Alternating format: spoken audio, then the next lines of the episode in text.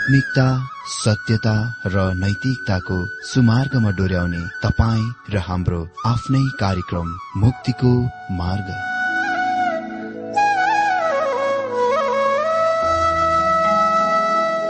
आदरणीय श्रोता यस मुक्तिको मार्ग कार्यक्रममा हार्दिक स्वागत छ। आशा छ यस आत्मिक कार्यक्रमद्वारा जीवनमा आत्मिक आशिष अलौकिक शान्ति र आनन्द प्राप्त गर्नुहुनेछ। र जीवनमा धन्य अनुभव गर्नुहुनेछ। आउनुहोस् श्रोता।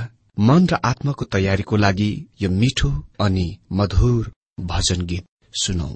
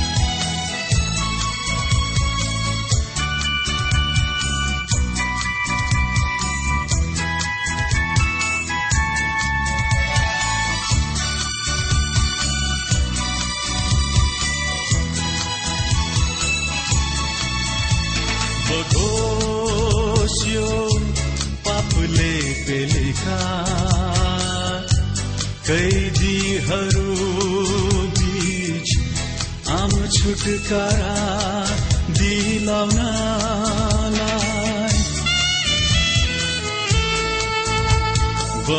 बगोस्यो पापले पेलेका कैदीहरू बीच आम छुटकारा दिलाउनलाई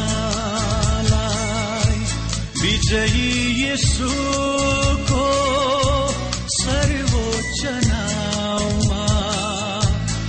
विजयी यसुको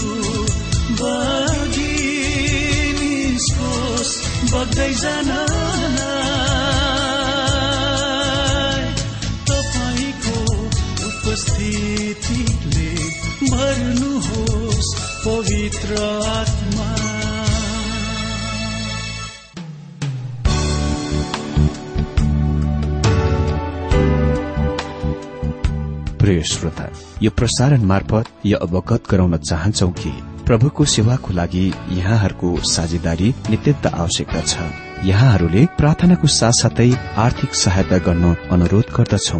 तपाईँहरूको सानो भन्दा सानो भेटी किन नहोस्? हामी प्रभुको नाममा स्वीकार गर्नेछौ। प्रभुको सेवाको लागि।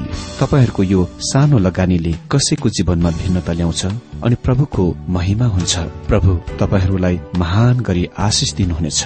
इच्छुक श्रोताहरूले तपाईँको इच्छा भेटी हाम्रो ठेगानामा पठाउन सक्नुहुन्छ जुन ठेगाना हामी कार्यक्रमको अन्तमा दिनेछौ। प्रिय श्रोता मित्र आज पनि मेरो सबैलाई हार्दिक स्वागत छ। जय मसी साथै नमस्ते श्रोता। अघिल्लो कार्यक्रममा हामीले यहुदा एक अध्यय सत्रदेखि उन्नाइस पदबाट यस विषयमा अध्ययन गरिरहेका थियौं। विश्वासीहरूलाई चेतावनी दिइयो कि सत्य विश्वास त्यागीहरू आउनेछन्। अनि हामीले त्यहाँ तिनीहरूका चरित्र चित्रण गर्ने केही विशेषताहरू विवरणसँग हेर्यौं जस्तै तिनीहरू गिल्ला गर्नेहरू हुनेछन् आफ्नै भक्तिहीन अभिलाषाका पछि हिँड्नेछन् आफैलाई अरूबाट अलगाव गर्नेछन् वा अलग राख्नेछन् अनि तिनीहरू विलासीहरू हुन्। अनि आज हामी तिनीहरूका चरित्र चित्रण गर्ने अर्को विशेषता देख्नेछौ। यहुदा एक अध्ययको उन्नाइस पदको अन्तिम खण्डमा त्यो हो तिनीहरू आत्मा नभएका हुन्। सत्य विश्वास त्यागीहरूसँग परमेश्वरको पवित्र आत्मा छैन।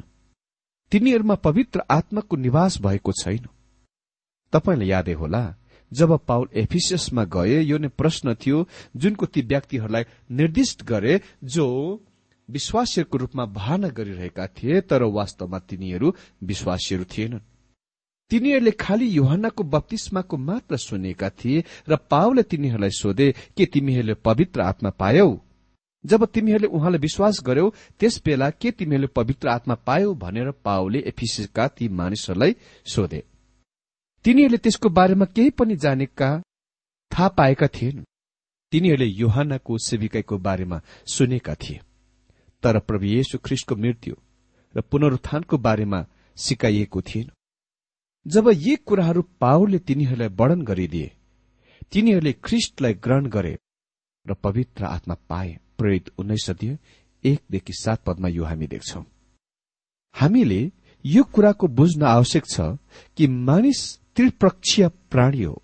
यसको मतलब उसँग तीन खालका स्वभाव छन्। पहिलो थ्रिस्लोनिकी पाँच अध्ययको तेइस पदमा हामी पढ्छौं अब शान्तिका परमेश्वर आफैले तिमीहरूलाई पूरा रीतिले पवित्र पारेका हुन्। अनि तिमीहरूका सम्पूर्ण आत्मा प्राण र शरीर हाम्रा प्रभु येशु ख्रिष्टको आगमनसम्म दोषरहित अवस्थामा सुरक्षित राखिएका हुन्। मानिससँग शरीर आत्मा र प्राण छ। यदि तपाईँ उत्पत्तिको पुस्तकमा मानिसको सृष्टिको विवरण ध्यानपूर्वक पढ्नु भए तपाईँले पत्ता लगाउनुहुनेछ कि शारीरिक रूपमा माटोबाट लिएको थियो। माटोमा करिब पन्ध्र अलग अलग किसिमका तत्वहरू हुन्छन् जुन हाम्रा शरीरहरूमा छन्। जब हामी यस हाम्रा शरीरहरूसँग विदा लिन्छौं मृत्युको समयमा हामी ती सबै कुराहरूबाट अलग हुनेछौं र यी सबै शरीरहरू पृथ्वीमा फर्की जानेछन् र विश्वासीको पुनरुत्थानमा शरीर आत्मिक शरीरको रूपमा ब्युति उठ्नेछ। यो विनाशमा रोपिन्दछ र यो अविनाशीमा ब्युति उठ्न गइरहेको हुनेछ।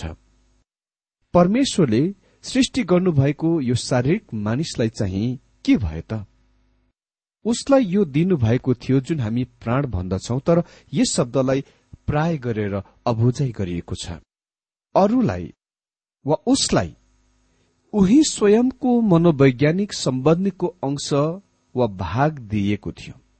त्यो त्यस अंश वा भागले उसलाई भौतिक शारीरिक विश्वासमा आफ्नो पहुँचमा मार्ग निर्देशन गर्दछ। ऊ भोकाउँदछ त्यसकारण उनी गएर खान्छन्। उसले मनोरञ्जनको इच्छा गर्दछ अनि उसले त्यसको आफै स्वयंको लागि प्रबन्ध गर्दछ व्यवस्था गर्दछ। उनी अति नै उद्धार चितका व्यक्ति अति नै धेरै आकर्षक मनपर्दो व्यक्ति हुन सक्छन् र उसँग बहुप्रतिभा गुणहरू पनि हुन सक्छ। धेरै उदार नपाएका मानिसहरू त्यस्ताहरू छन्। तिनीहरू अति नै धेरै मनपर्दा मानिसहरू हुन्। र म कहिले कहीँ कामना गर्दछु सबै विश्वासीहरू मैले भेटेका कोही कोही उद्धार नपाएका मानिसहरू जस्तै अनुग्रही दयालु भए कति असल हुने थियो। यद्यपि उद्धार नपाएका मानिस बाहिर देखाउटी रूपमा अति नै धेरै आकर्षक भए तापनि असल भए तापनि तिनीहरू भित्र चाहिँ धेरै बेग्लै अलग व्यक्तिहरू छन्। यो मानिसको मनोवैज्ञानिक सम्बन्धीको स्वभाव हो। तर परमेश्वरले मानिसको श्वास फेर्ने र लिने स्थानहरूमा जीवनको श्वास फुकिदिनुभयो अर्थात हावा जुनलाई ग्रीकमा देउमा अर्थात नेपालीमा आत्मा भनिन्छ। यो चाहिँ मानिसको मानव आत्मा हो अनि यो मनोवैज्ञानिकको माथि छ। मनोवैज्ञानिकको उपर वा माथि छ। यसले नै परमेश्वरतिर हेर्दछ। जसले परमेश्वरको लागि अभिलाषा इच्छा गर्दछ र यसले नै परमेश्वरलाई आराधना गर्न चाहन्छ। त्यसकारण मानिसहरूसँग तीन पक्षीय स्वभाव छ। उत्तरी एक हो शरीर अर्थात शारीरिक पक्ष प्राण वा मनोवैज्ञानिक पक्ष र आत्मा आध्यात्मिक पक्ष। मनोवैज्ञानिक पक्षलाई यहाँ पद उन्नाइसमा विलासी भन्दछ। अहिले वास्तवमा मानिसको पतनमा के भएथ्यो? म मानिसलाई उसको तीन पक्षीय स्वभावसँग तीन तले घरको रूपमा सोच्न मन पराउँछु। पहिलो तलमा खाना खाने ठाउँ र भान्सा घर छ। त्यो चाहिँ शारीरिक हो। दोस्रो तलामा पुस्तकालय लाइब्रेरी र संगीत कोठा छ। त्यो चाहिँ मनोवैज्ञानिक हो। अनि तेस्रो तलामा चाहिँ आराधना कोठा छ जुन चाहिँ आत्मिक हो। माथिल्लो तलामा तेस्रो तलामा परमेश्वरको वचन पनि छ। किनभने मानिसले यसको उसलाई परमेश्वरको अगुवाई बेगर बुझ्न सक्दैन अनि शारीरिक स्वाभाविक मानिस यसको चाहँदैन पनि। आत्मिक पक्ष माथिल्लो तलामा थियो तर पतनमा मानिस वास्तवमा आत्मिक रूपले मर्यो र घर उल्टो पाल्टो भयो। शारीरिक पक्ष माथिल्लो शिर तला भयो। मानिस आज उसको स्वाभाविक अवस्थामा प्राथमिक रूपले शारीरिक हो। खानपान मनोरञ्जन सुखविलास चाहिँ सर्वोच्च प्राथमिकता हो। आत्मसंरक्षण जीवनको पहिलो व्यवस्था हो। मानिस ऊ शारीरिक हो भन्ने यस तथ्यमा पशु जगत जस्तै छ तर मानिस मनोवैज्ञानिक पनि हो। उनी आफ्नो अस्तित्वको जान्नेवाला वा आत्मज्ञानी हो। उसले संगीतको आनन्द भोग गर्दछ उसले सुन्दरताको प्रेम गर्दछ उनी अनैतिकतामा पनि प्रवेश गर्दछ लिप्त हुँदछ। यो नै क्षेत्र मानिसको विलासी शारीरिक भाग यहुदाले यहाँ संकेत गर्दछन्। त्यसकारण पतनमा मानिसको आत्मिक भाग वा पक्ष मर्यो। मानिससँग परमेश्वरको लागि कति पनि र कुनै पनि धारणा शक्ति ग्रहण शक्ति थिएन। बरु भन्नु नै पर्दा वास्तवमा अहिले ऊ परमेश्वरको शत्रु भएको थियो। तर जब हामी ख्रिष्ट कहाँ आयौं र उहाँलाई उद्धारकर्ताको रूपमा ग्रहण र विश्वास गर्यौं हामीलाई नयाँ स्वभाव दिइएको थियो। अनि त्यो नयाँ स्वभावले परमेश्वरको पवित्र आत्माप्रति जवाब दिन सक्छ प्रतिक्रिया दिन सक्छ। तर हामीसँग अझै त्यो पुरानो स्वभाव छ। हामी अझै शारीरिक हौ र हामी अझै शरीरमा रहन जिउन सक्छौ। त्यहाँ त्यसको सम्भावना छ। पाउलसँग यसको बारेमा रोमीको आठ अध्यायमा भन्ने धेरै कुरा थियो। उसले रोमी आठ अध्ययको पाँच पदमा लेख्छन् किनकि शारीरिकहरू शरीरकै कुराहरूमा मन लगाउँछन् तर आत्मिकहरू आत्माकै कुराहरूमा मन लगाउँछन्। पाउल निरन्तर आफ्नो भनाइलाई रोमी आठको छ पदमा जारी राख्छन् किनकि शरीरमा मन लगाउनु चाहिँ मृत्यु हो तर आत्मामा मन लगाउनु चाहिँ जीवन र शान्ति हो। जब तपाईँ निज स्वभावमा जिउनुहुन्छ मनोवैज्ञानिक विलासी तपाईँ परमेश्वरप्रति मृतक हुनुहुन्छ र उहाँसँग कुनै संगति छैन। त्यो संगति तोडिएको छ। युहान भन्छन् पहिलो एक अध्ययको छ पदमा उहाँसँग हाम्रो संगति छ भनी हामी भन्छौ तर अन्धकारमा हिँड्छौ भने हामी झुट बोल्दछौ र सत्य काम गर्दैनौ। तर जो चाहिँ आत्मामा रहन्छ जिउँछ र परमेश्वरलाई खुशी पार्न कोसिस गर्छ वास्तव यसको मतलब जीवनको जिरहेको छ। त्यस्तो मानिसको आत्मा झन् निच निस्तामा गिर्न झर्नको सट्टामा र आफूले चाहेको कुनै पनि शरीरका कुराहरू गर्नको सट्टामा त्यही कुराहरू गर्दछन् जुन परमेश्वर चाहनुहुन्छ। अहिले पावल आठ अध्ययको सात पदमा भन्छन् किनभने शरीरमा मन लगाउनु चाहिँ परमेश्वरसँग दुश्मनी गर्नु हो किनकि शारीरिक मन परमेश्वरको व्यवस्थाको अधीनतामा छैन किनकि यो हुन नै सक्दैन। मलाई त्यस पुरानो स्वभावलाई परमेश्वरप्रति आज्ञाकारितामा ल्याउन तपाईँ त्यस पुरानो स्वभावलाई परमेश्वरप्रति आज्ञाकारितामा ल्याउन सक्नुहुन्न। रोमी आठको आठ र नौ पदले हामीलाई भन्छ यसकारण जो शरीरमा छन् तिनीहरूले परमेश्वरलाई खुशी पार्न सक्दैनन्।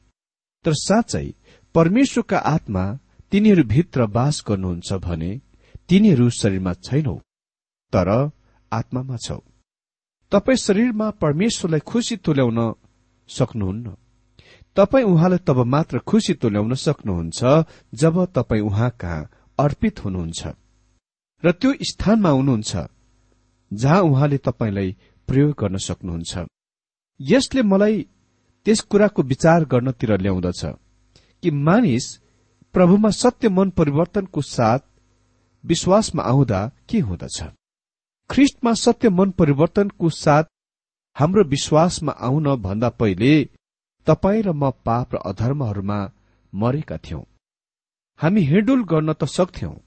हामी शारीरिक रूपमा जीवित थियौं तर आत्मिक रूपले मरेका थियौं।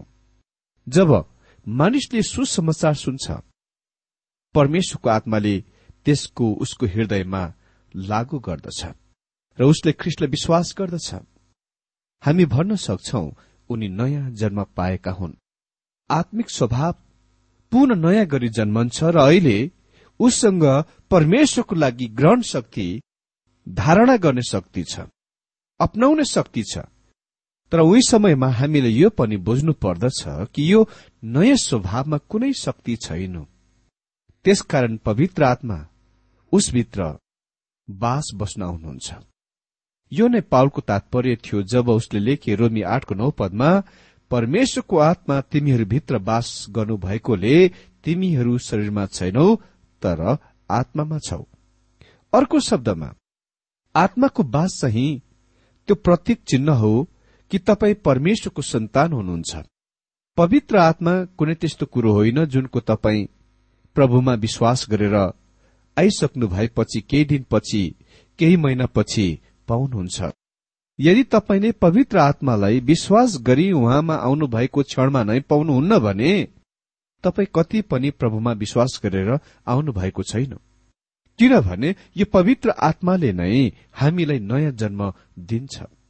युहन तीनको आठ पद अनुसार हामी आत्माबाट जन्मन्छौ।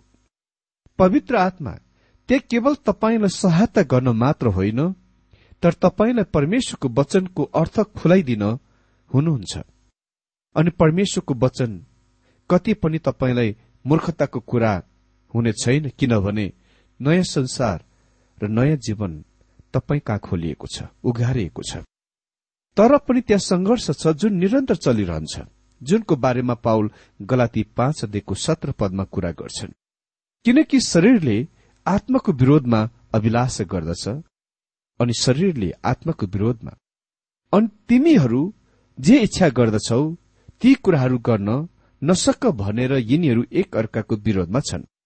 यी विश्वासीहरू भित्र हुने दुई स्वभावहरू हुन्। पुरानो स्वभाव यो निज स्वभाव जुन मानिसको मनोवैज्ञानिक पक्ष हो भाग हो परमेश्वरबाट टाढा तर्की जान चाहन्छ। यो आत्मिक भाग चाहिँ अहिले परमेश्वरतिर आउन चाहन्छ। यदि तपाईँ परमेश्वरको सन्तान हुनुहुन्छ भने तपाईँ त्यस संघर्ष लडाईँको बारेमा जान्नुहुन्छ।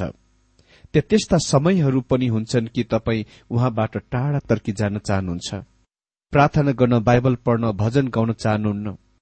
त्यहाँ त्यस्ता समयहरू पनि हुन्छन् तपाईँ उहाँ कहाँ फर्कन चाहनुहुन्छ। उहाँको वचन पढ्न प्रार्थना गर्न उहाँको स्तुति प्रशंसा गर्न आराधना गर्न चाहनुहुन्छ। मित्र यो चाहिँ यी दुई स्वभाव बीचको संघर्षको कारण हो। हामी सबैको निम्ति यो बिल्कुल सत्य कुरा हो। तर हामी आफैलाई दिनता र नम्रताको साथ उहाँप्रति समर्पण गरिकन सधैँ वचन अध्ययन प्रार्थनामा लागिरहेर पवित्र आत्माको नियन्त्रणमा दिई हामी निश्चय नै विजय महिषीय विजय विश्वासी बन्न सक्छौ। त्यस पुरानो स्वभावमाथि प्रबल भएर। विजय भएर। पहिलो कुरन्ती पन्ध्र दिएको पैंतालिस पदमा पाओले पुनरुत्थानको बारेमा कुरा गर्छन्। र उसँग यो कुरा भन्नलाई पहिलो मानिस आदम जीवित प्राणी बन्यो। पाओले पुनरुत्थानको बारेमा कुरा गर्छन् र उसँग यो कुरा भन्नलाई छ। भन्छन् पहिलो कुरन्ती पन्ध्रको पैंतालिसमा पहिलो मानिस आदम जीवित प्राणी बन्यो र त्यो चाहिँ मनोवैज्ञानिक भाग हो। अनि अन्तिम आदम चाहिँ जीवित पार्नुहुने आत्मा बन्नुभयो। त्यो चाहिँ जीवन दिने आत्मा हो। यो नै पहिलो आदम र दोस्रो आदम बीच अदनको बगैँचाको आदम र क्रुसको येशु ख्रिष्ट बीच भिन्नता हो। प्रभु येशु ख्रिष्ट आफ्नो जीवन दिन आउनुभयो ताकि उहाँ जीवन दिने आत्मा बन्न सकुन्। पाल निरन्तर आफ्नो कथनलाई जारी राख्छन् पहिलो करन्ती पन्ध्रको छ्यालिस र सैतालिस पदमा तर आत्मिक होइन तर प्राकृतिक चाहिँ पहिलो थियो।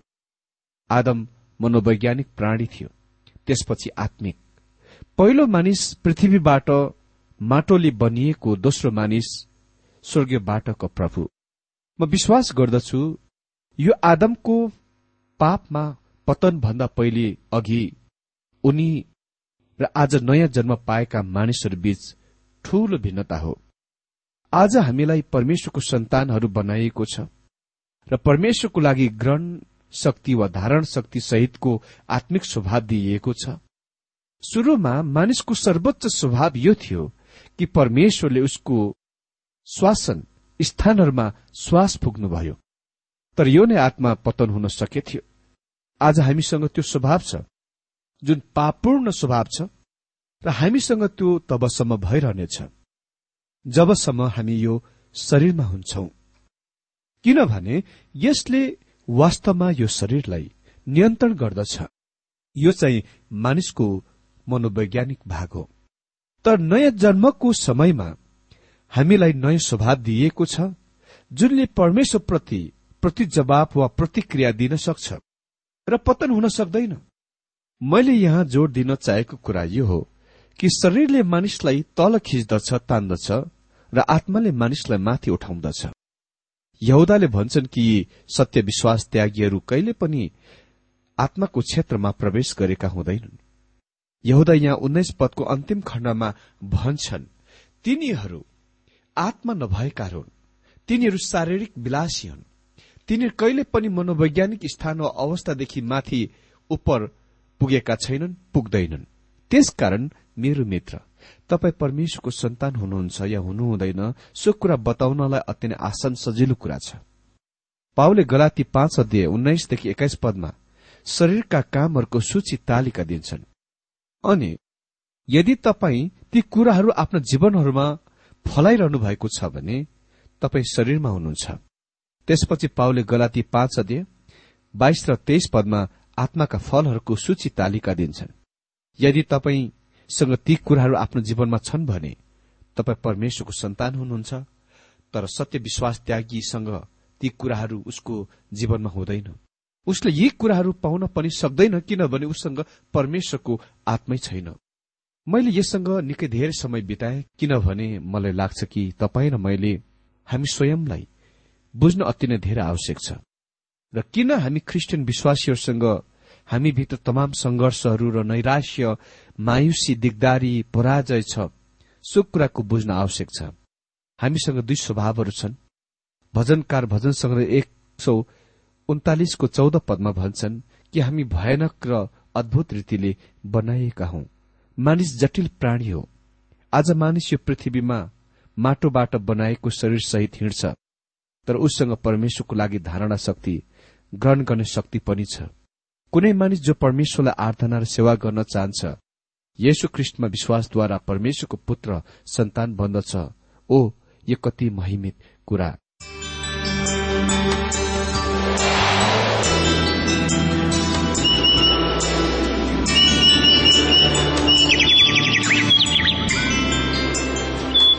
प्रिय श्रोता अहिले भर्खरै तपाईँले टीडब्ल्यूआर नेपालद्वारा संचालित आत्मिक कार्यक्रम मुक्तिको मार्ग सुनिरहनु भएको थियो। श्रोता आजको यो कार्यक्रम सुनेर तपाईँलाई कस्तो लाग्यो? यदि यो कार्यक्रम सुनेर मनमा कुनै खुल्दुली वा कुनै प्रतिक्रिया अर्थात सुझावहरू छन् भने हामीलाई पत्रद्वारा लेख्न सक्नुहुनेछ।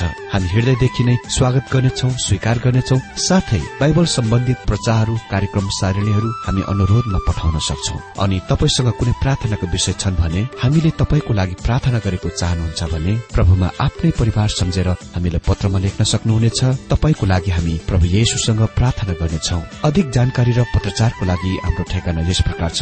कार्यक्रम मुक्तिको मार्ग जीपीओ नम्बर उनानब्बे पचहत्तर एपीसी पच्चिस एकसठी काठमाडौँ। ठेगाना एकपल्ट सुन्नुहोला। कार्यक्रम मुक्तिको मार्ग जीपीओ नम्बर उनानब्बे पचहत्तर एपीसी पच्चिस एकसठी काठमाडौँ। हाम्रो इमेल एड्रेस हो TWR Nepal at Yahoo dot com साथै यस नम्बरमा एसएमएस गर्न सक्नु सक्नुहुनेछ अन्ठानब्बे चार सत्तरी पैतिस छ सय उनासी नौ आठ चार सात जिरो तीन पाँच छ सात नौ। हुन्छ श्रोता आजलाई हामी विदा चाहन्छौ।